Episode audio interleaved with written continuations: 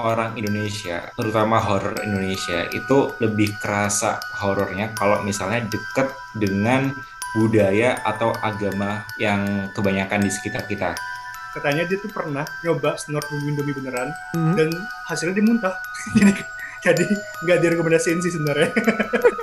talentnya sendiri sebenarnya uh, kuat ya buat permuntahan uh, talent yang muntah talent yang badut yang bikin muntahannya kameramennya itu pada pada tumbang semua uh, mungkin karena kita semua lagi mengalami hal yang sama pandemi dan kita di rumah aja dan uh, ini gratis gitu ya film pendek omnibus di, di YouTube gitu dan sangat dekat banget dengan kita gitu temanya dan horor gitu banyak di, disukai sama orang Indonesia gitu.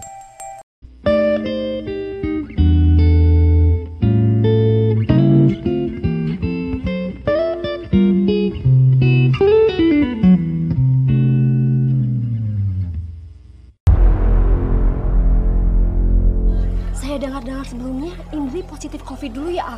Bener itu teh, A. Terus meninggalnya karena COVID, bukan A.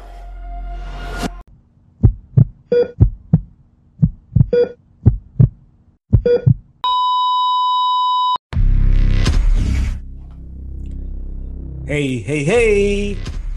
Selamat bergabung kembali di channel BB69.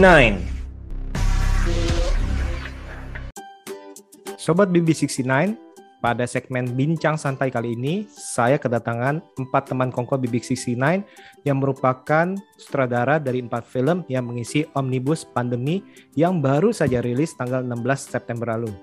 Yang pertama ada Mas Alif yang menutradarai dan menulis naskah segmen Mi Level Setan. Apa kabar nih Mas?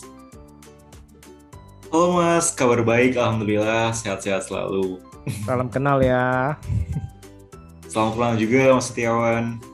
Yang kedua ada Mas Azam yang menyutradarai dan menulis naskah segmen Arumi dan Lida Pocong. Apa kabar nih Mas Azam?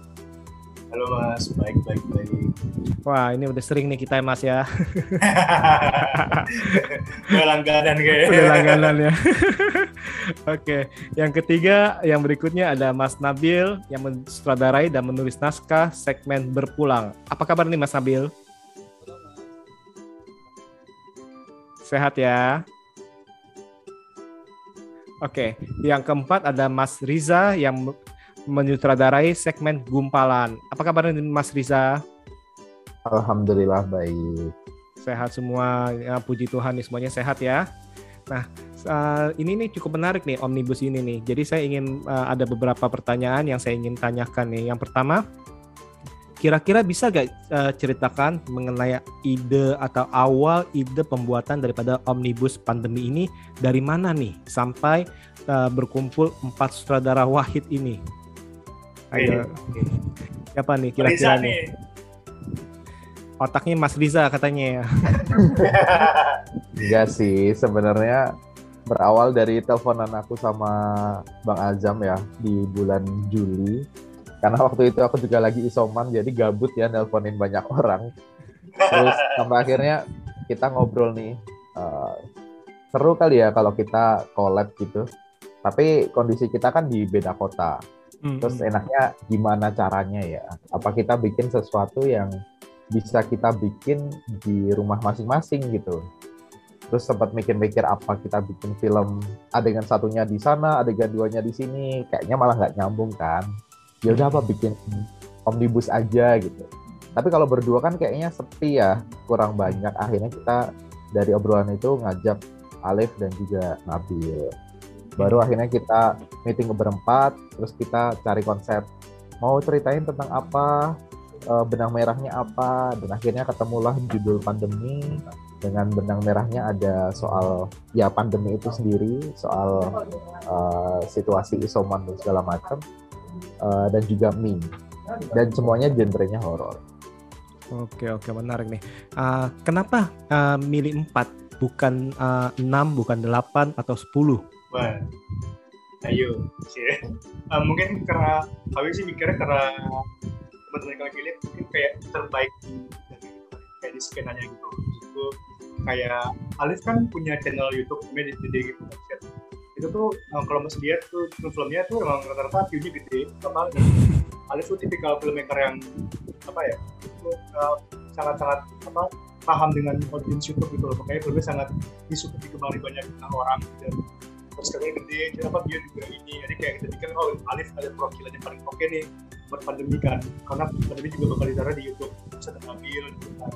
Itu Hmm. juga senias muda yang apa aktif bikin film di Sumedang gitu dan kita pikir kayaknya juga perwakilan yang oke juga gitu untuk pandemi ini gitu. Jadi kita pikir ayo udah kita ya berbuat dulu. Karena karena gimana bang kita ya? Kita juga pikir mungkin ini kayak test drive kali ya. Kalau misalnya ini sukses kayak oke ini mungkin next kalau kita bikin omnibus lagi kita bisa bikin apa ajakin orang lebih baik. Oke oke. Ini kayaknya bakalan uh, ala-ala VHS ya yang akan bersambung terus ya. Iya, gitu. Nah, sekarang kenapa horor bukan uh, bukan campur-campur dalam arti omnibus tapi campur-campur yang satu horor, yang satu komedi, yang satu bener-bener pure komedi ya dalam arti yang satu komedi, yang satu cinta tapi bener-bener kalian uh, maunya horor. Kenapa tuh? Kenapa memilih itu? Rijal Em, sebenarnya waktu itu kita bahkan nggak kepikiran genre lain ya. Mungkin karena memang kami berempat eh, cukup dikenal dengan filmmaker horor dengan ciri khasnya masing-masing. Jadi ya ketika kita punya ide ini ya ya udah horor gitu. Tapi ya tinggal horornya mau yang kayak gimana. Akhirnya kami berempat juga punya eh, rasa horor yang berbeda-beda. Hmm, per- dan persepsi yang berbeda ya. Nah berikutnya nih, kenapa ngambil benang merah mie? Kenapa bukan bubur ayam lah, Isa atau ketoprak? Kan kayak bubur ayam kan itu kan sangat fenomenal sampai memecah bangsa. Ketoprak kan sekarang kan gitu apa di atas ketoprak ada kerupuk. nah maksudnya kenapa mie? Bukan makanan lain yang familiar juga. Eh, aku izin jawab ya.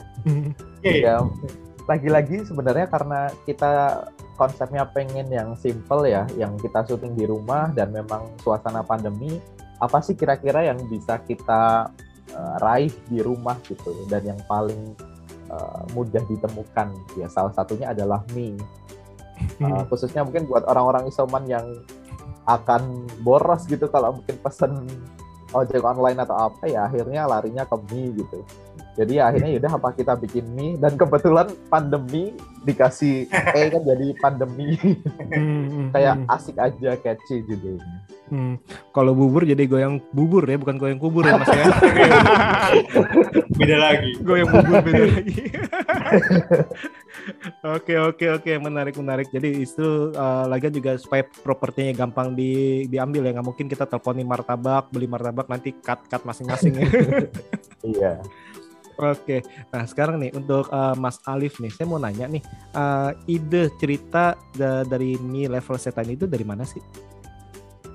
Eh, sebelumnya itu kan kita pada saat nentuin bahwasannya mie yang dijadikan objek itu beneran kayak pressure sendiri sih. Aduh, mie dijadiin buat horor gimana anjir? Itu kayak pressure banget kan. Kayak, kayak mungkin orang awam nggak kepikiran bakal bisa jadi horor kan untuk sebuah mie kayak gitu. Nah, dan kebetulan sendiri Alif nyari idenya itu gimana? Eh, Alif tahun lalu itu sempat bikin film sahur judulnya Hmm. film horor juga kebetulan di film sahur itu eh, Alif dan tim itu ngepak ngemake eh, mie instan juga jadi nge-highlight mie instan juga nah eh, Alif mikir wah kayaknya seru nih kok. Semisal film sahur yang sudah aku buat tahun lalu itu kayak di- dibuat sequelnya.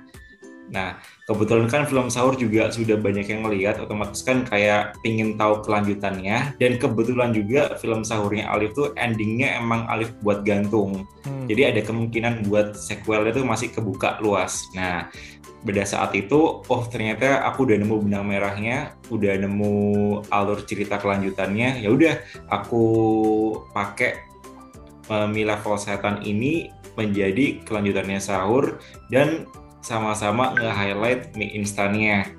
Nah, sebagai pembeda karena untuk di film sahur itu tidak pure horror. Nah, di Mi Level ini Alif inginnya ngemasnya bener-bener pure horror dan ada adegan sedikit gore mungkin. Hmm. Eh, itu sih untuk awal mula idenya itu dari kelanjutan film sahur yang tahun lalu dan kebetulan sama-sama highlight mie instan.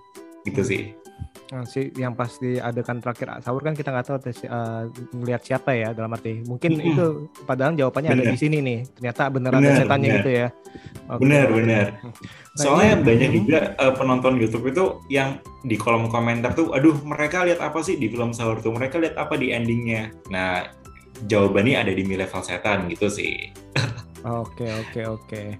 Eh, saya mau nanya nih, untuk tokoh utamanya itu sebenarnya itu eh, adiksi terhadap mie gitu digambarkan atau gimana? Jadi yang si adik yang perempuan itu Hmm. tuh se addicted sama mie instan plus kayak bubuk cabe bubuk cabe gitu ya, Hmm, hmm. rasa pedes gitu. eh kebetulan kan namanya kalau misalnya orang lagi sel- apa ya lagi isoman barusan sembuh dari covid atau apa gitu kan kadang kan ya harusnya kan makan makan yang ber- lebih bergizi lah ya. Nah tapi karena namanya mie instan bubuknya aja tuh aromanya udah subhanallah sekali kan sudah udah itu banget kan ya udah itu juga kayak apa ya kayak suatu godaan sendiri sih orang nahan aroma bubuk ya kayak ya sebut merek lah Indomie apa mie Hmm. sedap tuh kan emang susah banget kan Hmm. nah itu jadi kayak godaan antara aduh aku mau nurutin si kakakku yang sudah berkorban demi aku atau aku nurutin aroma mie instan itu Hmm, hmm, gitu hmm, sih hmm. jadi kayak tekanan batin seorang manusia biasa Nah, hubungan dengan setannya itu apa ya? Dalam arti setannya itu Nah. kan a- apakah yang menggoda atau yang gimana ya pas awalnya? Jadi setan kan emang basicnya sifatnya setan kebanyakan tuh kan emang ngegoda manusia kan. Kalau Hmm. misalnya secara umum kan kayak ngegoda iman buat Hmm, ibadah bla bla bla. Nah untuk di film ini tuh Alif kayak ngegoda bahwasannya udah kamu nggak usah nurutin omongan kakakmu buat makan makan yang sehat. Udah kamu nurutin egomu aja buat bikin mie instan bla bla bla. Nah setannya itu untuk mempengaruhi eh, pemikiran si adiknya sih. Dan akhirnya adiknya terlena sama setannya ya udah dia Hmm. ikut ma apa bikin mie-nya itu. Jadi eh, hmm. adiknya tuh dikontrol sama si setannya. Nah, kenapa pada saat si adik kayak ngudek-ngudek aduk-ngaduk mie, Hmm, hmm. setannya kan ngikutin Ikut, dari betul. belakang kan. Heeh, Nah, itu dikontrol sama si setannya. Oh, oke Gitu oke oke. Jadi istilahnya bukan bukan setannya yang ngikutin dia, tapi dia yang ngikutin setannya. Istilahnya dalam arti Yes. uh, itu per- uh, perumpamaan bahwa mereka uh, istilahnya dirasuki atau dikontrol ya dalam arti ya, seperti itu ya. Betul. Oke oke menarik menarik. Nah, Mas Azam, kenapa Hey. nih ide ceritanya kok bisa absurd gitu seperti biasanya kalau sih? bikin film kalau bikin film bagus soalnya nggak nyampe otaknya saya cuma bikin yang absurd doang Kalau misalnya Tapi- bikin film bagus, saya akan nelpon Mas Azam. Mas Azam, ini kamu yang bikin bukan?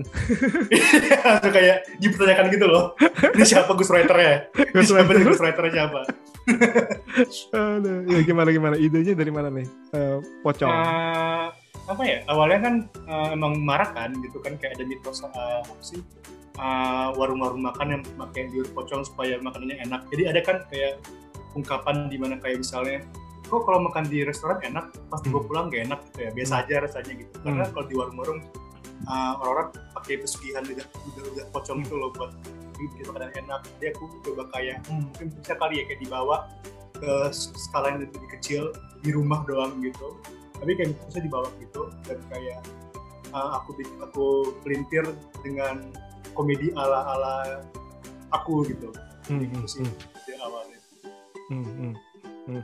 Lucu juga sih itu pocongnya nggak lompat ya lari ya. Kenapa tuh? karena susah Kenapa apa ya? karena emang emang ide awalnya itu ya udah dibikin uh, saya uh, sekonyol-konyolnya apa gimana? Nah, saya kalau lompat susah sih ngejarnya. itu dia mah. Iya, maksudnya kalau misalnya pakai melayang gitu, pakai skateboard itu kan effort juga ya. Hmm, Jadi lari aja deh, biar gampang hmm. gitu sih. Nah kalau unsur-unsur komedi yang awal-awalnya itu itu dapat ide dari mana mas? Yang pemukanya Eh, itu? Aku sebenarnya kayak nunjukin bahwa ini tuh uh, penonton ngelihat si kepala Arumi gitu. Jadi kayak Arumi tuh hidup dalam dun- dunia sendiri gitu loh. Jadi kayak dia mikir bahwa oh dia ngomong apa, ngomong sendiri sama sama audiens yang dia ciptakan sendiri gitu kan. Jadi ketika dia kayak lagi ini kayak lagi lagi ngobrol sama audiens ada yang tepuk tangan dia ketawa padahal nggak ada siapa gitu loh itu Hmm. itu tuh kayak nunjukin bahwa emang dia halu gitu loh emang palanya gesrek aja makanya dia juga kayak apa eh, apa jadiin bumbu ini jadi kayak kokain gitu itu kan karena emang gesrek gitu.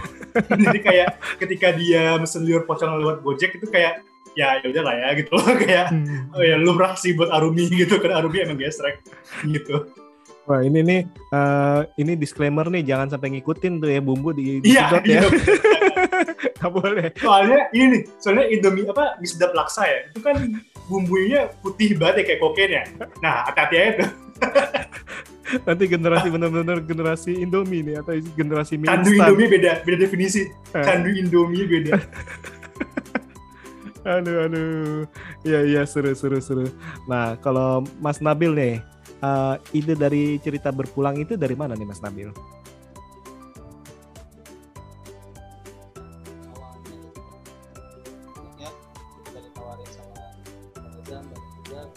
tapi suara kecil tapi Maaf suaranya ke- Eh, ya dengeran kedengeran.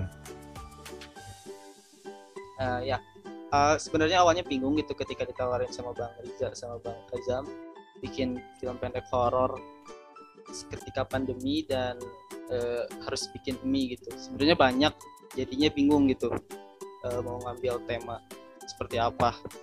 Dan Nabil nyoba eh, apa ngulik-ngulik lagi gitu horor apa yang bisa berbeda gitu dari ketiga sutradara ini gitu. Ketika Bang Azam bikin horor absurd Alif bikin gore gitu jadinya Nabil mencoba untuk horor apa lagi gitu yang bisa di- dicoba gitu nah Nabil coba banyak kan ketika pandemi saat ini gitu eh, orang-orang meninggal dan diiming-imingi eh, meninggal karena covid gitu Mm-mm. dan Nabil combine sama eh, seorang anak yang kakaknya baru aja meninggal gitu. Nah di eh, tengah malam dia kelaparan dan tantangannya itu dia harus eh, bikin mie tapi eh, jenazah kakaknya masih ada di eh, ruang tengah gitu dan disemayamkan besok harinya. Dan ya Nabil nyoba untuk eh, mencoba untuk apa ya orang penonton gitu bisa relate lap- lapor tengah malam Mm-mm. dan apa ya ketika ada yang meninggal terus ditanya gitu meninggalnya karena apa apakah karena ini tuh udah udah hal-hal yang lumrah gitu kan ketika di Indonesia ini nah eh, makanya ketika horornya digabungin sama isu-isu atau keadaan yang biasa orang Indonesia lakukan atau dapatkan gitu jadinya menarik aja gitu Hmm, hmm, hmm. Soalnya kalau yang Mas Nabil punya nih kayak uh, lebih membumi nih dalam arti ya, dalam arti horornya itu horor-horor klasik ya, dalam arti di mana memakai suasana, terus habis itu uh, di mana nggak ada macem-macem, dalam arti nggak ada bumbu gore, nggak ada bumbu uh, yang dalam arti yang uh, aneh-aneh, tapi itu di ini benar-benar klasik nih, berbeda dengan uh, tiga sutradara lainnya ya, dan itu yang ingin ditampilkan oleh Nabil ya, Mas Nabil ya. ya eh, Nabil se- sendiri nyoba untuk yang belum pernah Nabil coba itu horor atmosfer Hmm. dan emang cukup eh, challenging juga karena eh, banyak main sunyi dan apakah penonton bakal ketakutan atau enggak karena kan horor pasti identik dengan scoringnya gitu ya dengan musik-musik Hmm, hmm. tegangnya dan ya Nabil coba dengan eh, mainin suasana gitu Oke oke menarik nih menarik nih. Nah kalau dari Mas Riza gimana nih Mas Riza? Ide dari gumpalan ini apa nih?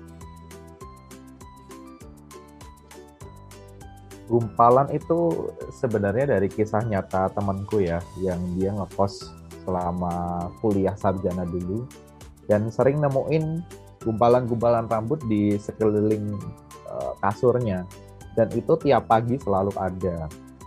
Eh, kebetulan temanku itu cewek dan rambutnya kayak sekitar bahu sebahu dan rambut yang ditemuin tuh bisa panjang banget tapi udah berbentuk gumpalan. Jadi tiap pagi selalu nyapu tanpa dia tahu sebenarnya ini apa atau dari mana. Eh, ya itu sih awalnya dari situ. Terus aku gabungin juga sama eh, cerita temanku yang lain yang dia dapat eh, kiriman makanan dari ojek online yang Mhm. dia nggak tahu siapa yang ngirim.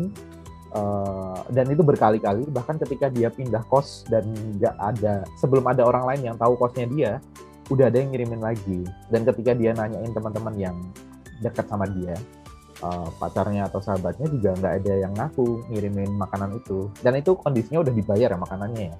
Bukan Hmm. makanan yang disuruh bayar kayak kasus-kasus itu. Uh, dan tak gabungin lagi sama cerita temanku yang beda lagi yang keluarganya memang suka dikirimin uh, apa ya santet ya bisa kita bilang. Hmm. sampai uh, orang tuanya sakit-sakitan sampai uh, Pak D-nya dan keluarganya lumayan uh, chaos lah gara-gara itu. Karena persaingan bisnis kalau nggak salah. Jadi ya dari tiga hal itu aku gabungin dan um, aku coba juga ingin bikin horor yang belum pernah aku bikin sebelumnya ya untuk di film pendek. Kan kemarin juga baru rilis ya film panjang gibah. Hmm. Uh, aku juga kayak uh, tertantang nih mau bikin semacam gibah gitu yang uh, treatmentnya disturbing yang bikin jijik, bikin mual segala macam, tapi versi film pendeknya. Jadi ya akhirnya jadilah si film gumpalan. Oke, jadi emang sengaja pengen masukin unsur jijinya itu ya dalam, dalam arti bermain dengan uh, muntah dalam arti seperti itu ya. Iya. Ya, sebenarnya challenging juga sih buat aku dan kru karena dulu sempat bikin film yang judulnya cantik ada satu adegan muntah dan itu cuma sebentar aja mualnya berhari-hari selama ngedit juga mual apalagi yang ini lebih lebih ekstrim lagi ya Hmm. Eh, muntahnya beberapa kali bahkan dari mulut ke mulut Hmm. kayak di dan segala macam jadi Hmm. lumayan agak eh, apa ya nggak sampai trauma juga sih cuma lumayan agak inilah Berapa hari nggak makan mie lagi? baru tadi siang makan nih Baru makan tadi ada gumpalannya gak? Oke oke oke menarik menarik. Nah sekarang kita kembali ke Mas Alif lagi nih. Nih saya mau nanya, saya mau nanya ini kenapa sih setannya itu uh, memilih setan uh, bermukena dan tanpa wajah hitam ya dia ya? Dalam arti benar-benar uh, rata istilahnya. Terus uh, apakah ada dalam eksekusi film ini ada inspirasi dari film atau sutradara lain nggak? Nah ini eh, sebenarnya pertanyaan yang paling banyak, banyak ditanyain sih Kak Alif. Kenapa sih Kak Alif kok eh, hantunya pakai mukena bla bla bla bla bla. Nah kenapa? Karena yang pertama eh, orang Indonesia, terutama horor Indonesia itu lebih kerasa horornya kalau misalnya deket dengan budaya atau agama yang kebanyakan di sekitar kita. Nah eh, kayak ibaratnya kayak filmnya Makmumnya Bang Riza. Itu kan hantunya kan pakai mukena juga kan. Dan bisa impactnya bisa segede itu karena pertama itu ya balik lagi karena deket sama kebiasaan kita. Kalau misal yang muslim ya itu sholat tahajud terus tahu-tahu sholat tahajud sendirian bla bla identik sama mukena juga. Nah Alif pakai pendekatan seperti itu kenapa sih eh, hantunya pakai mukena bla bla bla. Nah karena Alif pengen eh, penonton itu kayak ngerasa deket gitu. Jadi kalau semisal nih hantunya kayak ala-ala ya bisa dibilang ala-ala luar negeri mungkin kayak gimana-gimana kan kayak kesan relate-nya kan kurang. Hmm. Jadi Alif kayak ngerancang udah pakai mukena aja terus mukanya di kayak itemin di kayak apa ya muka rata item buat apa ya sense of scare-nya di situ itu aja sih sebenarnya dan untuk meminimalisir budget juga. Nggak, usah make up karena lagi ya. karena kita zero budget sih khusus yang buat Alif. Nggak ada budget apa pun kita punya peralatan ini kita punya perlengkapan ini outfit ini ya udah pakai aja. Dan kebetulan juga kan di film sahur itu hantunya itu juga mukena cuma tidak dilihatkan mukanya. Nah ibaratnya di Mi level setan ini adalah uh, versi upgrade dari sahur. Jadi bener-bener frontal bener-bener lebih berdarah bla bla bla yaitu di film Mi level setan ini jadi alasan buat kenapa sih pakai mukena alasannya yang paling faktor utama sih karena biar lebih deket aja sih lebih relate gitu Ada ini nggak ada pengaruh uh, inspirasi dari film atau Iya. sutradara nggak ya?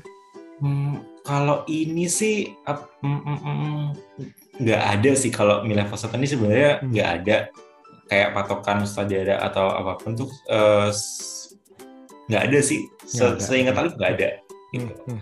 Itu lidahnya propertinya itu uh, emang udah ada dari sana apa? Eh, Nah untuk untuk lidahnya sendiri itu eh, emang beberapa bulan lalu kita sempat beli. Jadi sebelum ada project pandemi ini Alif udah beli duluan sih lidahnya. Hmm. Dan aku belum tahu waktu itu dipakai buat apa. Jadi ya asal beli aja waktu itu di Shopee ada flash sale ya udah beli aja kan. Mumpung ada flash sale.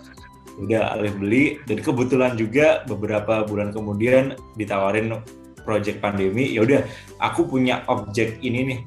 Aku habis beli barang ini barang Hmm, lidah hmm, palsu ini. Ya udah aku mau manfaatin aja di sini. Gimana caranya aku lidah nyambungin ke mie nyambungin ke ini ini ini dan akhirnya bisa dan akhirnya jadilah naskah mie level setan dan akhirnya entah itu mie entah itu lidah kepakai semua sih. Alhamdulillah di situ Mantep mantep. Untung bukan beli lidah yang kiss tuh yang panjang itu ya. lidah yang ketalis kiss. oke oke mantap. Nah Mas Azam, eh, ke- kenapa memilih tadi itu pocong? Dan dalam eksekusi yang kali ini nih ada istilahnya ada inspirasi-inspirasi dari film atau sutradara nggak? Hmm, kalau pocong karena tadi kan terkait sama mitos yang sering Hmm. beredar gitu kan soal apa ludah pocong. Hmm. Kalau misalnya kayak apa, kayak style gitu, aku tuh sebenarnya kebetulan ini makanya aku bersyukur banget sama project ini kan itu apa ya karena aku ngerasa kayak ini tuh tempat aku belajar untuk kayak apa ya penguku- pengukuhan style gitu loh mas. Jadi kayak kan selama ini aku bikin film kan kayak emang kayak mengacu pada oh film ini tribute untuk era ini gitu kan. Atau misalnya kayak film ini uh, homage untuk ini gitu. Sementara Arumi adalah film yang berdiri sendiri gitu loh mas. Jadi kayak Hmm, dia hmm. film yang aku pikir oh ini aku bisa nunjukin bahwa ini adalah style Azam kalau misalnya dia nggak terikat sama uh, agenda agenda tertentu gitu loh misalnya kayak uh, oh ini berarti kan misalnya kan homage buat 2000-an segala macam ini lebih kayak melting pot dari be- berbagai elemen yang aku suka dari film horor jadi Hmm. misalnya kayak Nayato jelas ya Nayato Hmm, hmm, pasti Hmm. kelihatan gitu loh. Uh, terus juga aku juga uh, inspired dari film ini uh, style Rob Zombie itu juga aku apa masukin juga di sini gitu. Jadi kayak tapi ini kayak gimana aku bisa nyatuin beberapa style apa elemen style film-film yang aku tonton tapi dengan uh, gaya penceritaan aku sendiri gitu loh. Hmm, hmm, hmm. Mantep mantep bahkan ada istilahnya style kayak sitkom yang ada tepuk tangan segala macam ya awal-awal ya dalam Iya. arti ya. Hmm, hmm. Hmm, ibarat kata nih kalau saya nonton ini ibarat kata nonton WandaVision tapi disatuin versi Azam. sebenarnya jujur belum belum belum belum nonton sih sebenarnya filmnya. Sempat Oke oke oke. Nah ini eh, terus berikutnya nih Mas eh, berikutnya Mas Nabil. Mas Nabil kenapa nih eh, mengambil horor ini kok sosok yang dikenal kan itu kan kakaknya ya berarti kenapa nggak horor dalam arti eh, sosok yang tiba-tiba istilahnya setan gentayangan masuk gitu tapi justru sosok yang dikenalnya ini nih yang diambil. karena eh, dari awal Nabil nyoba untuk di setiap film Nabil itu eh, horor eh, walaupun menakutkan tapi ada sisi eh, apa ya harunya gitu atau enggak eh, dekat lah sama eh, penontonnya gitu. Karena ketika kakak sendiri itu meninggal udah pasti kita takut tapi di situ ada suatu perasaan yang eh, apa ya eh, sedih gitu ya. Hmm, hmm, ketika hmm. kita bikin horor tapi orang lain itu pasti bakal beda feelnya gitu sama karakter utamanya. Nah Nabi nyoba eh, kakaknya baru meninggal gara-gara covid dan itu pasti banyak dialami oleh eh, masyarakat Indonesia saat ini gitu. entah itu saudaranya atau siapa pun gitu. Oke oke, jadi emang perlakuannya itu lebih personal kalau misalkan kalau misalnya ketemu dalam arti eh, set, sosok setan kita ngomong ya atau arwah yang orang dikenal dengan sosok arwah yang kita nggak kenal sama sekali nih rasa takutnya juga bercampur kalau yang nggak kita nggak tahu nggak pernah lihat kan takutnya itu bener-bener pure pure scare, saya bener-bener takutnya itu bener-bener pure eh, takut kalau sa- misalkan sosok yang dikenal itu bingung kali Mas Mas Nabil ya antara satu kangen, satu lagi takut dalam arti bener ya Mas ya. Oke, tapi nggak ada pengalaman kan ya? Nggak ada pengalaman Nggak pribadi kan ya? Enggak sih cuman eh, tetangga gitu banyak yang eh, meninggal gitu jadi nanti nyoba untuk eh, menceritakan gitu. Oke oke. Nah berikutnya nih Mas Riza nih Mas Riza kenapa memilih si Kabi jadi badut? Eh Kabi, maksudnya kenapa memilih si setan badut ini? Dan ada uh, ins apa? Ada inspirasi-inspirasi dari uh, film atau sutradara gak? Uh, inspirasi film ya, ya bolehlah disebut gibah. Hmm. Terus juga film It ya, hmm. uh, karena aku pakainya badut Oke. Okay. Uh, ya mungkin dua film itu sih. Dua film itu. Kenapa badut? Nah, nanti Kenapa bukannya gendro atau bukannya apa kan? kan ini kan. Iya iya. Uh, hmm. Karena pertama uh, dari kami tuh ingin ada interaksi antara si sosok ini dengan si tokohnya.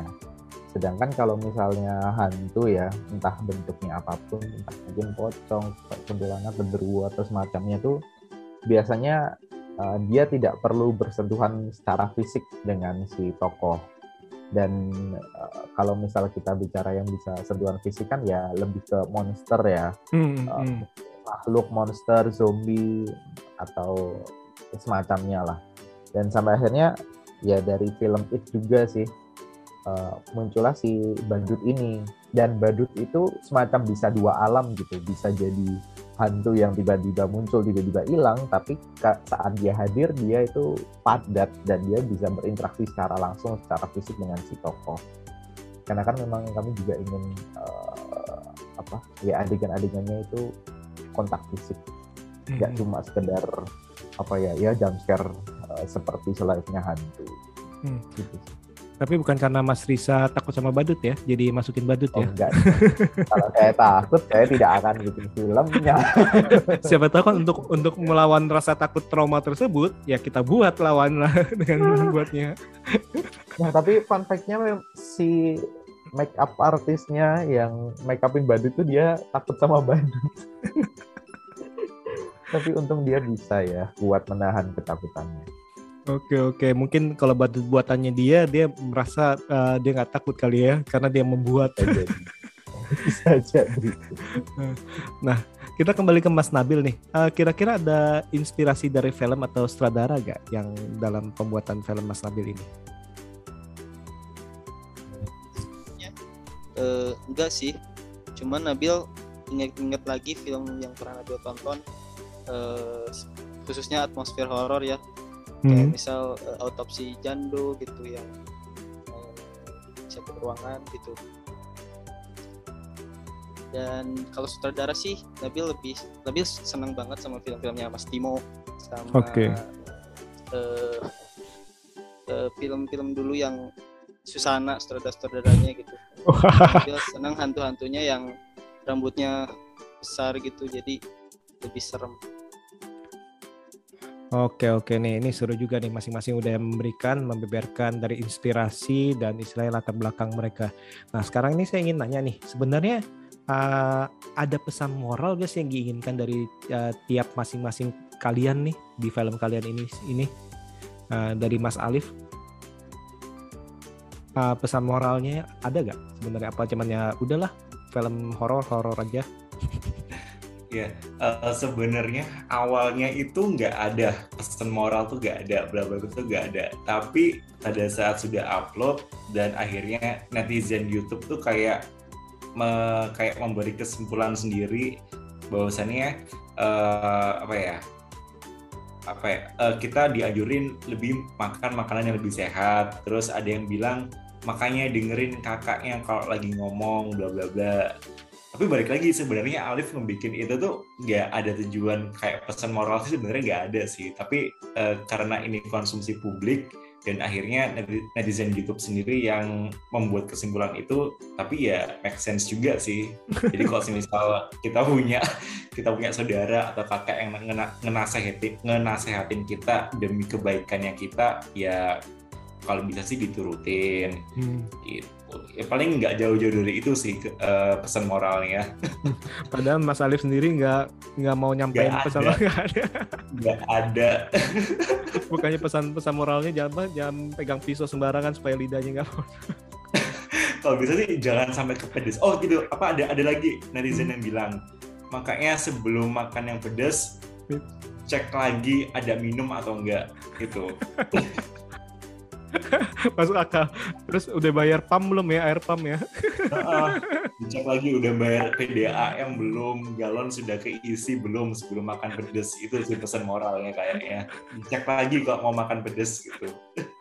Oke oke oke oke. Ternyata nih netizen lebih lebih aktif ya. nah kalau Mas Azam gimana Mas Azam? Ada pesan moral nggak? Hmm, enggak sih kita kayak kita support degradasi moral Indonesia sih. Kita pengen merusak industri film dari dalam sih sebenarnya. Enggak deh. Enggak apa ya. Uh, kalau dibilang pesan moral nggak ada sih. Maksudnya kayak maksudnya apa yang bisa diambil dari apa apa ilmu atau pesan bisa diambil dari cewek yang snort bumi domi coba ya nggak ada gitu ya ya udah take it forward itu saja gitu Bukannya apa? Siapa tahu pesan moralnya itu eh, pilihlah bumbunya yang rasa apa gitu enggak ya? ya well mungkin coba milaksa Karena putih. Aduh. Iya. oh oh OTT oh OT Apa? oh Apa? tapi bilaksa enak banget sih sumpah enak banget nyoba mas mas harus nyoba enak banget Gini. promo Promo, Ini kita promo ber- nggak berbayar gitu lagi Siapa tahu nanti Shout di out. endorse. iya. iya bener ya kan shout out buat Bisdap Milaksa mantep deh pokoknya. Oke oke oke. Nah kalau dari Mas eh, Riza gimana Mas Riza? Apakah eh, pas pembuatannya ada satu pesan moral gak? Ada, ya simple sih. Kalau misalnya terima kiriman dari orang yang nggak dikenal, nggak tahu sebenarnya siapa ya nggak usah di, nggak usah dimakan, nggak usah disimpan, buang aja. Walaupun Soalnya- dibayarin. Walaupun udah dibayarin. Kita ingat kasus di Bantul belum lama tuh kan dikirimin sate, ternyata ada Hmm. cyanidanya. Kan Juga uh, jadi kayak wow ternyata bisa kayak gitu. Mungkin orang kan udah kesenangan ya dapat makanan, Hmm. ternyata malah berujung maut. Jadi ya kalau ada yang ngirim sesuatu apa pun itu ya harus dipastiin siapa yang ngirim. Kalau memang nggak jelas ya udah buang aja. Oke oke oke oke. Nah, masuk akal sih masuk akal. Walaupun dalam arti dalam proses isoman terus kan banyak yang suka ngirim-ngirimin ya kita harus tahu kirimnya siapa nih yang ngirim nih. Misalnya tetangga tetangga yang mana segala itu kali Mas Riza ya. Ya betul betul. Jangan-jangan mantan lagi yang yang dendam. Waduh, waduh. Oke oke. Nah kalau Mas Nabil gimana Mas Nabil? Eh, ada pesan moral gak yang ingin disampaikan di filmnya? Kalau aku sih aku juga nggak ada sih mas yang benar-benar dipikirin banget gitu pesan moralnya apa dari awal. Cuman seiring berjalannya waktu ketika eh, proses eh, reading terus penulisan naskahnya eh, editing juga pas preview kayak oh ternyata ini gitu yang mau disampaikan. Eh, ternyata eh, karena di Indonesia sendiri eh, hal yang lumrah gitu ya eh, apa eh, ketika ada orang yang meninggal udah maghrib gitu dan dimakaminnya Hmm, hmm. eh, besok harinya gitu atau enggak pas tengah malam meninggal eh, besok paginya gitu nah itu kan udah biasa gitu ya di di Indonesia khususnya agama Islam gitu nah eh, menurut Nabil sih eh, perspektif Nabil di film ini eh, untuk kebaikan eh, apa ya yang nganterin dan saudara-saudara yang mau baca doa bareng gitu itu kan kalau malam nantinya gelap atau bahaya mungkin ya Hmm, Nah hmm. jadinya eh jadinya kalaupun pagi pun nggak apa-apa gitu. Jadinya pesannya eh kalau bisa secepatnya gitu dimakamin. Eh kan itu eh, di alur filmnya dari Hmm. malam terus ke sore lagi gitu. Jadi itu tuh semuanya khayalan gitu. Hmm, hmm, hmm. Kan akhirnya kan pas di apa di mau dikuburkan akhirnya kan tersenyum ya akhirnya itu ya udah memang sudah waktunya ya Mas ya. Hmm, hmm. Ini tadi kan eh, Mas Alif bilang maksudnya ada oh ini ternyata itu mereka itu eh, ngomong hidup sehat tanpa mie instan. Terus ada juga kan dari Mas Ra- Mas Riza Mas eh, Mas Azam ini saya ngebuat sesuatu yang cukup menjijikan sehingga kadang-kadang ini membuat beberapa orang itu ilfil terhadap makan mie istilahnya seperti itu ya Ah, terus ah, di Mas Nabil juga sempat mie jatuh tuh ya ke apa ke itu nah ini apa nggak takut nih diprotes sama brand-brand mie instan nih? Oh kalian nih bikin bikin orang nggak makan mie instan tiga hari kita rugi berapa juta nih, berapa miliar nih? Lihat muntahan gitu kan ada yang tadi itu saya bilang Mas Riza tuh apa nggak enak tuh? Bayangin tiga hari bisa penonton kalian tuh yang jutaan tuh berhenti makan selama tiga hari aja tuh mie instan. Nggak takut diprotes? gimana gimana perwakilannya ini siapa nih? Riza, Riza, Riza, Riza, Riza. Kalau di film saya kan bukan mie instan ya, jadi silakan tanya ke yang lain. Oh, lepas tangan nih. Wah, wah gimana ini self defense nih, aduh. gimana, gimana, gimana? Mas Alif mungkin mau bersuara? Hmm, Atau ada yang... Eh, Kalau kalau dari film mie level setan sendiri ya, itu pertama ah, mm, mm, mm, kalau semisal nih, semisal ya imajinasi aja, semisal wah aku nggak terima nih brand mie instan bla bla bla.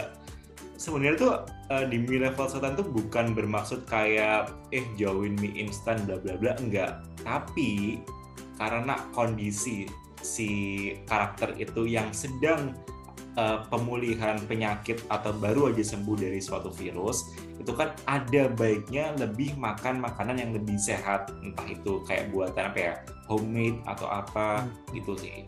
Hmm. dan ya karena faktor kondisi aja sih. Kalau misalnya dia udah sembuh banget ya kamu mau makan mie instan nggak apa-apa. Kan balik lagi kan kalau misalnya kita lagi sakit atau baru aja sembuh pasti kan sama orang tua kita bakal udah jangan makan yang instan-instan dulu makan yang buatan mama atau papa aja gitu kan biasanya kan kayak gitu Hmm, hmm. Ini Lebih jawaban, gitu aja sih jawaban diplomatis nih, jawaban diplomatis ya. Kalau Mas Azam gimana Mas Azam? Mas Azam justru malah menyarankan ya. meningkat iya apa saya malah meningkatkan apa apa uh, penjualan Indomie kan biar orang banyak yang nyobain snort yang bumbu Indomie enggak deh soalnya dulu apa uh, sempet ada di Twitter gitu ada Hmm. uh, ada yang mention katanya dia tuh pernah uh, apa nyoba snort bumbu Indomie beneran Hmm. dan hasilnya dia muntah jadi jadi nggak direkomendasiin sih sebenarnya Kayak direkomendasiin ya. Oke oke Iya. oke, jangan jangan jangan. Nah, Mas Nabil ada yang pengen di ini? mungkin karena ya sering orang-orang jatuh gitu minyak jadi ya Nabil mencoba itu terus eh, mungkin nggak takut di ini sama mie karena ya Indomie nggak ada yang ngasih sponsor ya ya boleh depannya bener bener bener bener bener Ya bener. semoga nanti ke depannya sponsorin ya. Nah kalau yang jatuh itu yang paling sering itu yang paling nyesek itu telur sih mas. Udah direbus pas kita mau itu jatuh telurnya. Oke oke. Nah di dalam eh, pas proses syuting nih, kalian ada yang mengalami pengalaman unik gak? Atau malah pengalaman horor atau istilahnya pengalaman istilahnya ya kru-krunya sampai istilahnya gimana? Istilahnya, oh duh ini kok sampai gua harus eh, kayang segala macam belakangan kayak Mas Azam apa mie ditaruh sini terus Mas Riza juga yang kayak muntahan isai uh, ini kemuntahannya isai atau Mas Alif isai yang pot, uh, potong lidah atau Mas Nabil isanya yang harus jadi kakaknya ditaliin itu itu ada ada ada atau ada ini gak pengalaman-pengalaman unik nih dari kalian nih? Siapa nih? Mas Alif dulu ya. Eh, pengalaman unik, kok pengalaman serem nggak ada, tapi unik ada. Pertama, fun fact aja, eh, talent utamaku yaitu yang si cewek itu sebenarnya dia nggak boleh makan pedes, nggak boleh sebenarnya. Hmm. Tapi karena waktu itu eh, waktunya mepet juga dan alhamdulillah juga dia itu eh, orangnya kalau bahasa Jawa itu tatak ya, tatak itu kayak nekat gitu Hmm.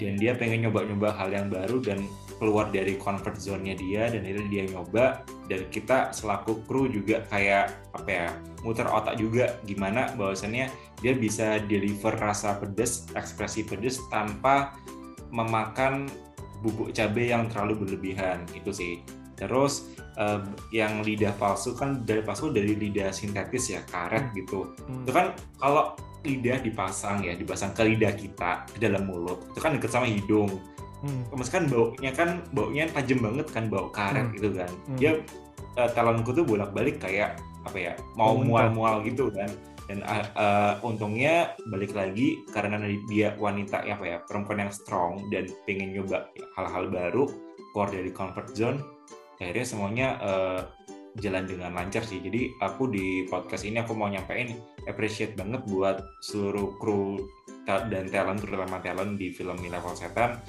Uh, you are doing a good job dan itu aja sih kayaknya untuk pengalaman unik-uniknya itu sih. Mantap, mantap. Nah, kalau Mas Azam gimana Mas Azam? Ada eh, peristiwa unik gak? Pengalaman unik?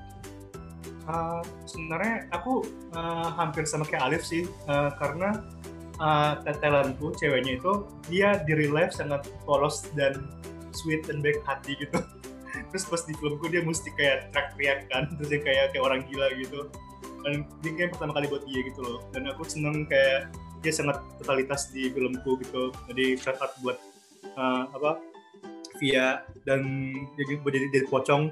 Yang jadi pocong itu namanya Gali Gali ini tuh kayak dia uh, apa ya calon kritikus gede lah gitu di Twitter. Hmm. uh, dia ra- apa cukup cukup uh, well known gitu. Dan dia uh, sempat berikrar katanya dia mau jadi pocong demi sinema. Ada kayak bagus lah. Terima kasih Gali gitu. Hmm, hmm. Tadi itu sih sebenarnya kayak uh, tantangannya adalah kayak berusaha untuk kayak bikin dua orang ini yang nggak pernah sebelumnya kayak dapat peran-peran kayak gini gitu keluar dari comfort zone-nya buat nyobain peran-peran yang ekstrim kayak gini sih itu sih Hmm. tantangannya tapi so far syutingnya sangat fun karena apa kita cuma lima orang total di set dan syutingnya tuh kayak piknik banyak banyak tawanya gitu di bang syutingnya kayaknya Hmm, hmm, hmm. yang paling pas di ujung-ujung sih pas uh, di ujung hari kayak kita mesti kejar-kejaran karena pemilik rumah udah mau pulang. Jadi kayak buru-buru. Jadi kalau misalnya nonton filmnya lagi ada kan tuh uh, kayak New Green Tea bocor ya. Di background lupa di take out karena kita buru-buru. Hmm, hmm, hmm. gitu-gitu sih. Tapi se- se- selebihnya syutingnya sangat fun gitu. Itu mie yang di dalam mulut pocong di take berapa kali tuh? berapa ya? Kita pokoknya habis empat bungkus mie aja empat bungkus mie. Oh sama ini. Uh, um, uh, kita kan ada bungkus mie terakhir apa bungkus mie terakhir gitu. Itu kan uh, buat adegan yang ngikat ya ngikat ka- kunci Hmm, ng- hmm. ngikat kaki. Itu ternyata karena minyak udah di- didimin lama jadi ngembang gitu dan akhirnya gak nge- ngekuat ngikatnya. Jadi tepat diikat putus gitu. Akhirnya kita mesti masak lagi. Itu mie Gitu. beneran tuh. iya Saya kira karet. Saya kira itu eh, oh enggak tapi beneran saya kira itu dibikin tuh. Oh, bukan. Oh, mie beneran. oh, oh, mie beneran Nah. iya Jadi mie beneran diikat panjang-panjang, diikat buat kaki. Nah, terus abis Iya. abis syuting dimakan nggak? Kamu Enggak basir. sih. Langsung dibuang sih. Oh, saya kira ya. mubasir, mubasir. Makan. Enggak, soalnya enggak semua orang segeser Arumi sih di filmnya. Oke, oke. Ini, ini, ini. Oke, oke. Menarik, menarik. Saya kira itu karet tuh. Oke, oke. Baik, baik, baik. Oh, Oke, iya, oke. Keren, keren, keren. Ternyata mie. Wah, nanti nanti boleh coba nih buat ngikut-ngikut apaan gitu ya. Coba mas. Buat tali gantungan baju gitu ya. Boleh, boleh, boleh. oh, pakai mie burung dara mas. Lebih- Mie burung darah ya. lebih Cep- lebih keras Iya. ya. Oke. Lebih keras. Nah, Nah, kalau Mas Riza gimana nih? Kayaknya nih eh, seru juga nih kayak syutingnya nih. Nyiksa. ya aku sebutkan beberapa ya. Yang pertama, yang make up dia takut badut tapi dia make upin badut. Yang kedua, setting rumah yang pertama kali dia buka pintu Hmm, itu sebenarnya ruang pemandian mayat, ruang pemandian jenazah. serius? Serius, cuma karena itu pintu depannya bagus jadi aku pakai buat syuting rumah. Karena Ya ampun. pintu yang di sini jelek jadi aku syuting di situ. Ya Untung ampun. si tidak penakut ya, jadi bahagia. Hmm. Yang ketiga, eh talentnya sendiri sebenarnya eh, kuat ya buat permuntahan Eh, talent yang muntah, talent yang badut, yang bikin muntahannya, kameramennya itu pada pada tumbang semua. Bahkan yang di adegan terakhir waktu di giniin, Hmm, hmm. itu kameranya goyang. Itu sebenarnya bukan sengaja digoyang, tapi kameramennya yang mental. Kameranya buang muka. Iya, untung aku pasti di sebelahnya kameramennya buat jagain biar gambarnya tetap pasti stay di tempatnya dan untung masih aman gambarnya. Gitu sih. Eh, apa lagi ya? Ambil berapa Oh, take tuh? satu lagi. Kenapa? Ambil berapa take tuh yang pas masukin ke mulut? Eh, sekali-sekali doang sih, yang sekali sekali. dari sini, sekali dari si- sisi satunya. Oke, oke. Eh, mungkin yang waktu ada air yang muncrat itu itu yang berkali-kali sih, Hmm, berkali-kali. hmm, hmm. Cuma satu, ada satu hal kan si badutnya sempat nyemplung ke dalam bak air kan, Hmm, hmm. basah. Nah, pikirku kalau misal di saat itu basah, nanti di yang tempat lain nggak basah kan jadi nggak continuity ya. Jadi aku kalian bikin si batiknya basah aja dan basah kuyup yang benar-benar netes-netes gitu. Jadi ya itu bayangkan selama syuting 6 jam 7 jam dia dalam kondisi bayah basah kuyup dan ternyata di kamera nggak kelihatan basah. iya, emang emang nggak kelihatan sih mas. Terus aku kayak thank you ya. Aku berterima kasih pada talentku yang luar biasa ya walaupun akhirnya dedikasinya tidak kelihatan di kamera tapi ya itu, itu. Padahal sih apa uh, behind the scene sih abis itu dikerokin mas ya. Oh, udah udah bawa perbekalan tolak angin yang banyak gitu. Wah ini juga juga endorse lagi nih tolak angin ya. Oke oke. Karena syutingnya memang malam-malam juga sih waktu itu Hmm. dari jam 8 sampai jam 1 apa jam 2. Oke di kamar mayat ya. Permu- Penyucian mayat. Gitu. Kamar Bener-bener. mandi. Cuma yang di pintunya doang, sisanya di kamar mandi biasa. Hmm, hmm, hmm. Oke, nah eh, Mas Nabil gimana Mas Nabil? Ada ada ini gak apa eh, cerita-cerita seru nih? kalau dari film berfilm sendiri paling kita syuting 80% siang. Yang aslinya itu kita syuting siang eh 20% lagi malam gitu. Jadi karena banyak di dalam ruangan kita coba eh, main lighting aja gitu. Jadi eh, meminimalisir syuting aktor-aktornya banyak gitu kan jadi kasihan kalau Hmm, hmm.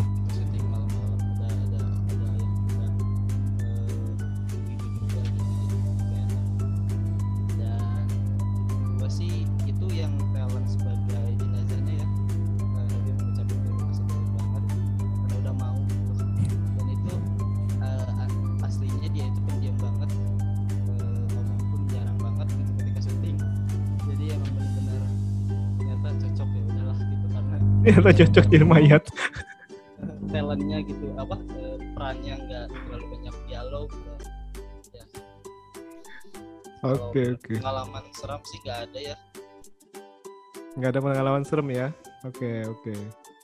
Jadi semuanya ini uh, pada intinya ini semuanya uh, benar-benar totalitas nih dari aktor ya, dari uh, make up ya segala macam itu benar-benar mendukung kalian secara penuh nih. Nah sekarang saya mau nanya nih, bila kalau kalian di karya kalian nih yang ini nih diwakili dengan rasa mie instan yang ada, kalian menggambarkan masing-masing dari kalian itu menggambarkan karya kalian ini sebagai rasa apa dan kenapa. Ayo Mas Alif. Waduh. Ini boleh nih, ya? kayaknya boleh cakep sih. Kayaknya cakep nih. Bisa, bisa, bisa, bisa, bisa. Waduh, apa ya, Pal? Apa ya? Mm, mm, mm, paling gitu sih. Eh, eh, eh, eh, eh, eh, eh, aku apa ya? Mm, mm, mm, mm, mm. Antara lemonilo pedes Korea dan sedap mie sedapnya pedes Koreanya Siwon. Waduh. Itu sih. Cakep, boleh, boleh, boleh, boleh. Waduh. Cakep, cakep, cakep, cakep. Kenapa? Kenapa? Kenapa nih? Itu adalah salah satu mie yang terjangkau dan ah, pedes. Jadi kan kalau misalnya sam samyang kan itu udah eksklusif banget kan. Hmm. lebih mahal berkali-kali lipat dan pedesnya sama ya 11 12 sebenarnya pedesnya samyang sama pedesnya mie lemonilo sama si mie sedap pedes Korea itu. Jadi pedesnya mewakili murahnya dari mie sedap sama lemonilo dibanding samyang mewakili karena film saya murah Bapak mohon maaf murah karena saking murahnya nggak ada budget gitu sih Hmm. Hmm. Hmm. Gitu. Oke oke oke. Jadi istilahnya uh, murah tapi meriah dibandingkan maksudnya ada Yes. yang samyangnya itu. Oke mantap. Nah Mas Azam nih kayak udah udah nggak sabar nih ingin menjawab nih. Ayo Wah, Mas Azam. apa deh? Mie sedap apa nih? Atau mie yang lain boleh merek yang lain. Oh, oh, oh, apa dah, apa dah, apa dah. Aku Oke. kayaknya film apa mie-nya ini. Uh, Indomie Salted Egg. Hmm, kenapa? Soalnya kenapa? itu tipikal tipikal Indomie yang love or hate gitu loh. Hmm. Kalau suka suka kalau benci benci banget. Itu kan emang film-film seperti itu ya.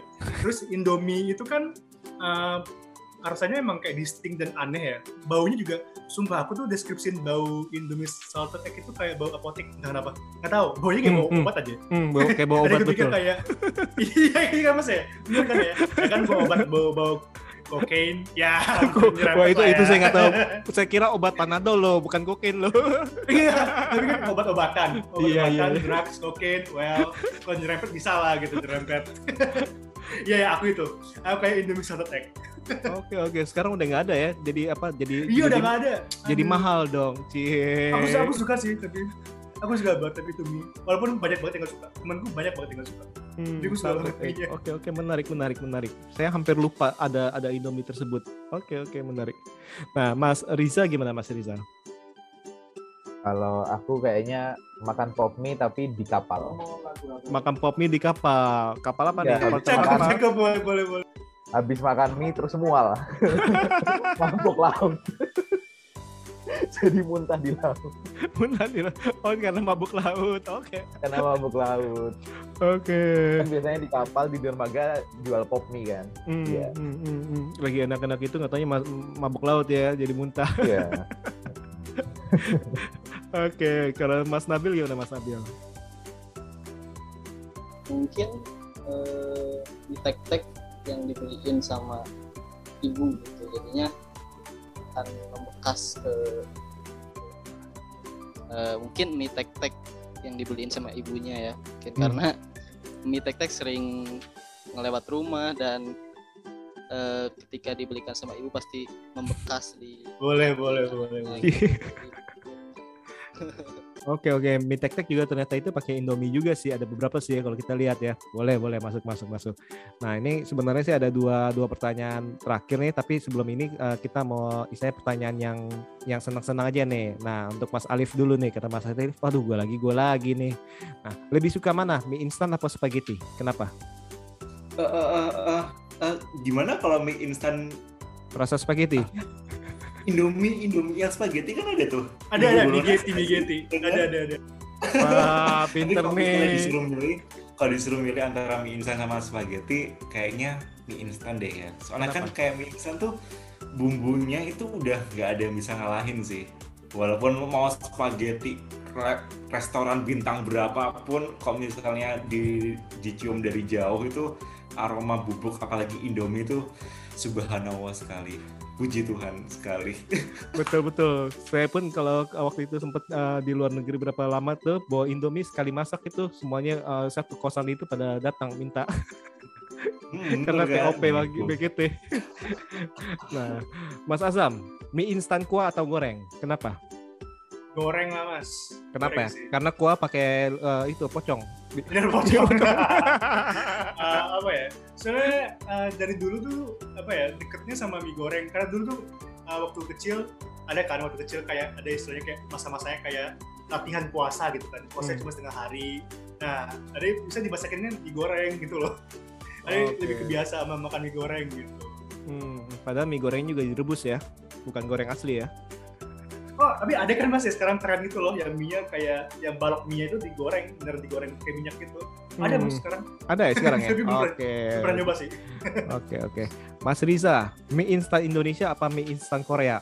Nah tadi kan Mas Aduh. Alif kan dia sempat ngomong tuh tadi ini, tapi ini pertanyaan buat Ma- Mas Riza. Jelas Indonesia karena saya tidak makan pedas sama sekali.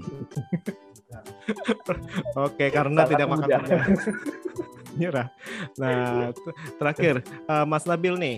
eh, dari level 1 sampai level 5 tingkat kepedasan eh, Mas Nabil sepedas apa? Tahannya. level 3 mungkin ya karena ya nggak terlalu suka pedas juga sih Oke, jadi masih yang level 3. Jadi eh, Samyang juga nggak makan Mas ya? Karena ya. Jarang. Oke, nah sekarang, nah tadi udah senang-senang, sekarang kita masuk lagi nih ke pertanyaan berikutnya nih. Misalnya nih, kalau kalian dikasih budget dan lingkup seluas-luasnya mau bikin film genre apa atau film seperti apa dan memakai aktor aktor atau aktris utama siapa nih, Mas Alif? Oke. Mm-mm, aduh, ini kayaknya pengennya dreams come true banget sih. Hmm, pengennya, oke, ho- misalnya budget banyak, eh, link banyak juga, pengennya siapa? Pertama kayak aktor aktris dulu kali ya. Aku pengennya harus ada Julie Estelle, hmm. Sarifah Danis, aku suka sama aktris-aktris sih daripada aktor. Jadi aku kebanyakan kalau misalnya ditanya pemain film siapa favorit, pasti aku bakal ngasih list cewek-cewek semua. Julia Estelle, Sarifa Danis itu udah paling utama sih. Oke. Terus kalau misalnya horor mau horor kayak gimana, horornya aku pengennya kayak lebih horor fantasi karena aku pribadi itu aku appreciate banget sama kayak uh, Del Toro dan Hmm, Rizal hmm. Mantovani. Mereka tuh ngebuat creature setiap film horornya itu gila-gilaan. Makanya kalau misal Alif minta, uh, insya Allah punya budget gede atau gimana-gimana, Alif bakal itu sih uh, nge-create creatures-nya, desain creatures-nya di film horor itu. Jadi lebih fokus ke makhluk desainnya aja. Oke oke oke. Jadi istilahnya horor fantasi di mana banyak makhluk-makhluknya ya, entah itu pakai CGI ataupun yang uh, yang manual biasa make up ya, seperti itu ya. Hmm. Nah, Mas Azam, gimana Mas Azam? Uh, budget uh, nggak masalah, terserah. Nah, Weh, itu masalah. Eh, aku yang, yang pasti aku bakal kayak tetap keep eh, circle apa, keep eh, jumlah krunya minim. Karena aku semacam kayak punya social anxiety gitu loh. Aku nggak bisa terlalu banyak orang gitu. Jadi aku yang pasti walaupun budgetnya gede gimana pun, krunya tetap dikit ya. hmm, gitu. hmm, hmm, Biar ini. hmm. eh, kalau disuruh mau bikin film apa, pastinya horor, horor-horor absurd yang aku sering bikin juga karena emang apa ya, ini kan emang sesuatu yang kayak apa ya, passionku gitu loh di situ gitu. Jadi kayak pastinya masih stick di subgenre yang aku suka. Terus kalau talent aku dari dulu tuh pengen banget ngajakin Titin Karisma. Oke, itu aku penyanyi ya. nobatkan, iya aku nobatkan sebagai Beyonce-nya Dangdut Pantura.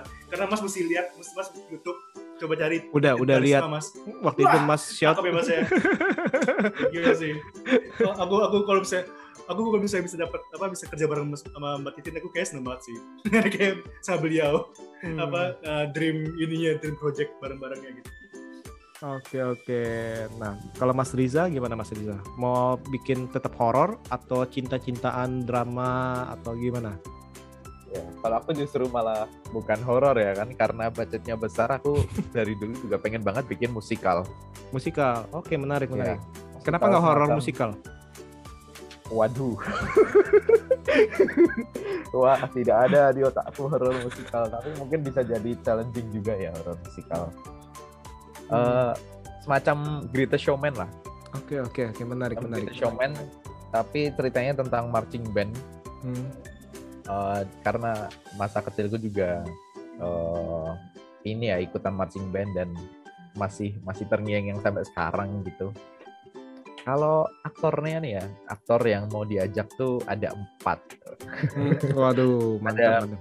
Jadi ini pertarungan antar dua pelatih gitu, dua dua tim ceritanya. Hmm, Ada hmm, Oka Antara sama Luna Maya. Nanti yang jadi anaknya, maksudnya anak didiknya hmm. eh, Arbani sama Tisa Bian. Oke, jadi mereka ini saling bertarung ya. Ya, terus Hmm. nanti treatmentnya ya kayak Greatest Showman, macam-macam film-film India gitu lah. Dikit-dikit nyanyi, dikit-dikit nyanyi, joget-joget segambreng orang gitu ya ceritanya. Oke oke, ini mumpung ada uh, West Side Story ya, uh, nanti sebentar lagi ya. Jadi ini uh, musikal nih harus dinaikin lagi ya. Nah kalau Mas Nabil gimana Mas Nabil? kalau kalau aku sih kalau bisa eh, dikasih gitu ya amin depannya bisa bikin film yang big budget seperti itu mungkin mau nyoba horror survival mungkin atau kayak film-filmnya Cabin in the Wood Drew Goddard gitu yang mainin banyak sekali hantu gitu dengan eh, di satu rumah aja gitu nah kalau aktor sih pengennya Mas Epi Kusnandar ya Oke mantap mantap mantap. Hmm, hmm. Itu keren banget gitu dari mulai eh, pertama tuh Nabil nonton di VHS-nya Mas Timo gitu ya Hmm, hmm. keren banget gitu Bisa Ya. jadi orang baik-baik, bisa jadi orang psycho ya, psikopat ya. Nah, itu. Hmm, hmm. Mantap, mantap. Oke, nah ini sebelum kita tutup nih, eh, tolong katakan alasan mengapa para sobat BB69 harus nonton film kalian ini. Nah, Mas Alif, Oke, eh, singkat aja karena film pandemi itu unik dan film pandemi itu adalah film omnibus horror Indonesia yang bisa ditonton gratis di YouTube dan film omnibus horror Indonesia tuh terutama film pendek itu masih dikit. Jadi ini adalah eh, project untuk membuka luas eh, filmmaker-filmmaker muda terutama Amin. yang indie untuk bekerja sama walaupun terhalang oleh daerah atau gimana-gimana bisa loh kita nyiptain kolaborasi kayak gini dan akhirnya alhamdulillah disambut positif. Jadi eh, kenapa harus nonton karena ini unik dan jarang ada Hmm, gitu. hmm, hmm, hmm. Oke, Mas Azam. ya bisa diwakili oleh Alif Ah, karena bener apa ya soalnya bayangin ini kita ada empat filmmaker dengan empat kepala yang berbeda dengan empat eh, apa ya empat empat eh, horor yang beda juga gitu subgenre subgenrenya. Kayak Alif kan eh, ke body horror terus aku lebih ke trash horror terus Nabil apa atmospheric horror eh, Bang Riza kita eh, gross out horror kan. Jadi buatku ini empat eh, apa ya empat film yang mesti ditonton secara barengan. Karena ini eh, apa ya eh, jarang kan gitu loh ada film Hmm, omnibus hmm. horror yang Hmm. benang merahnya aja sesuatu, sesuatu yang kayak sangat dekat dengan masyarakat gitu loh. Mie instan pandemi gitu Hmm, Nah, jadi hmm, hmm. buatku ya kalian mesti nonton sih biar biar tahu ba- ba- banyak banget subgenre horor yang unik dan dan dan digarap oleh eh, para filmmaker yang muda-muda dan keren-keren soal saya. Oke. Oke, Mas Azam nih, apa waktu itu uh, di pembicaraan kita yang kedua atau ketiga nih, saya udah sudah ngomong Mas Azam um, musikal horor ya, saya pesen ya. Nah, sampai sekarang nih belum nih. Siap, siap. Kayak pembicaraan kedua deh kayak gitu tuh. Berarti kalau misalnya musikal horor ber- berarti mesti ada Mbak ini Mbak Titin Nah, berarti. ayo, semangat, semangat. Ya, siap, siap, siap, siap, siap. Mas Riza gimana Mas Riza? Mengapa kita harus menonton film ini? Oke, eh, mungkin karena saya juga seorang dosen yang punya banyak mahasiswa yang suka mengeluh ya.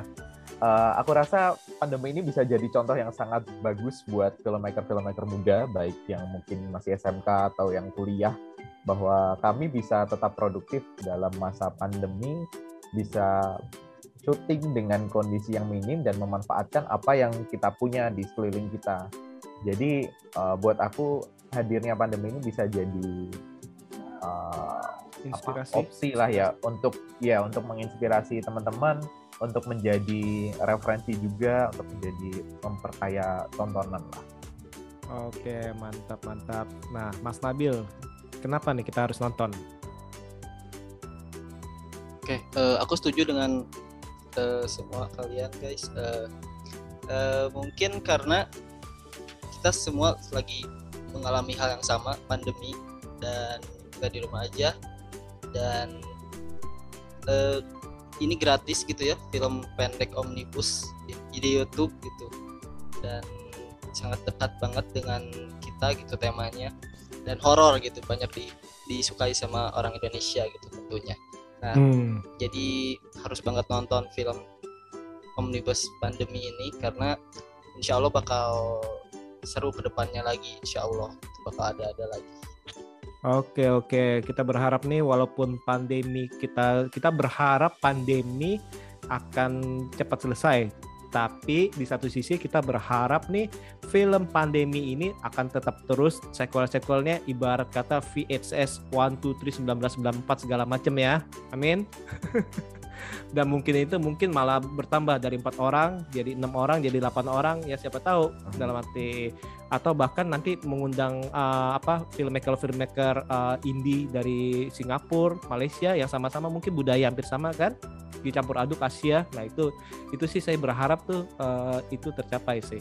Oke oke sekali lagi nih terima kasih nih Mas Alif, Mas Azam, Mas Risa, Mas Nabil untuk uh, ngobrol-ngobrol film uh, pandemi yang benar-benar seru kasih, dan benar-benar menghibur, punya cita rasa yang masing-masing benar-benar uh, mencolok seperti itu. Oke, terima kasih banget dan see you. See you, Mas. Terima kasih, sukses Terima kasih. selalu.